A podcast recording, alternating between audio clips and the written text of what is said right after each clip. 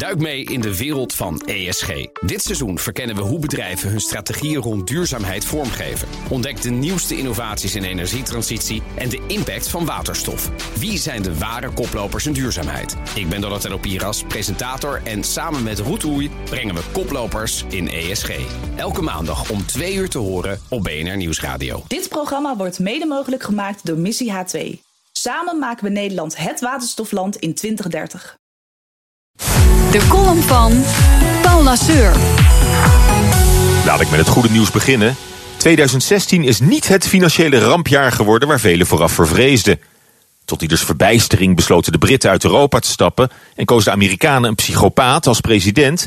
Maar economisch heeft dat niet de rampspoed gebracht waar doemdenkers bang voor waren. Integendeel, de beurskoersen schoten wereldwijd omhoog en de economie groeit alweer in een lekker tempo. In Nederland zelfs wat harder dan in de landen om ons heen.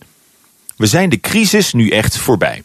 En dat zie je ook terug in de rapportcijfers die het Sociaal en Cultureel Planbureau uitdeelt voor ons humeur. Dat zit sinds twee jaar weer flink in de lift. Drie kwart van de Nederlanders geeft de economie een voldoende en 82 procent, bijna allemaal, verwachten de komende 12 maanden geen verslechtering. We zijn alweer dik tevreden. En dat is meteen het slechte nieuws. Tevredenheid namelijk is de vijand van de vooruitgang. Die crisis was helemaal zo gek nog niet. Want bij tegenwind gaan we harder trappen. Tegenspoed is de brandstof voor innovatie en ondernemerschap. Want waarom zou je nog oplossingen verzinnen voor problemen die er niet meer zijn? Als het alweer best lekker gaat zo. Nee, die crisis was een zegen voor onze samenleving. Een broodnodige reset ook van een economie die volledig was ontspoord. Voor de crisis werd de wereld geregeerd door Wall Street en de grote banken. De oude economie was een blinde consumptiemaatschappij die draaide op olie, staal en groot kapitaal. Na de crisis zou alles beter worden.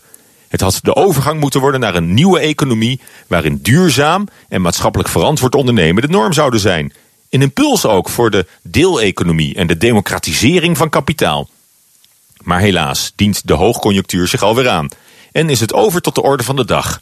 Alles lijkt alweer verdacht veel op de toestand van voor de crisis. De deeleconomie is dood voordat hij goed en wel tot bloei heeft kunnen komen.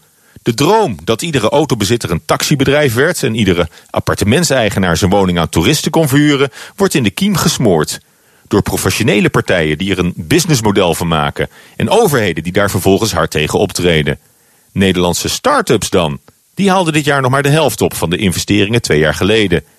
En niemand maakt zich nog druk over de energietransitie. De overgang van fossiele brandstoffen naar duurzame energie is voor slechts 2% van de bevolking een urgent maatschappelijk probleem.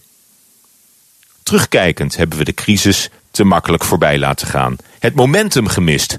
We hebben niet geluisterd naar het oude advies: never waste a good crisis.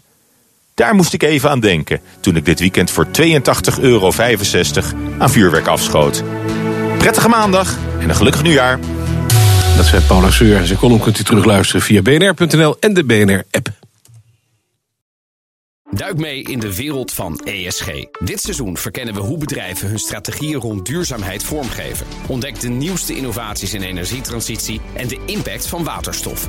Wie zijn de ware koplopers in duurzaamheid? Ik ben Donatello Piras, presentator en samen met Roetoei brengen we koplopers in ESG.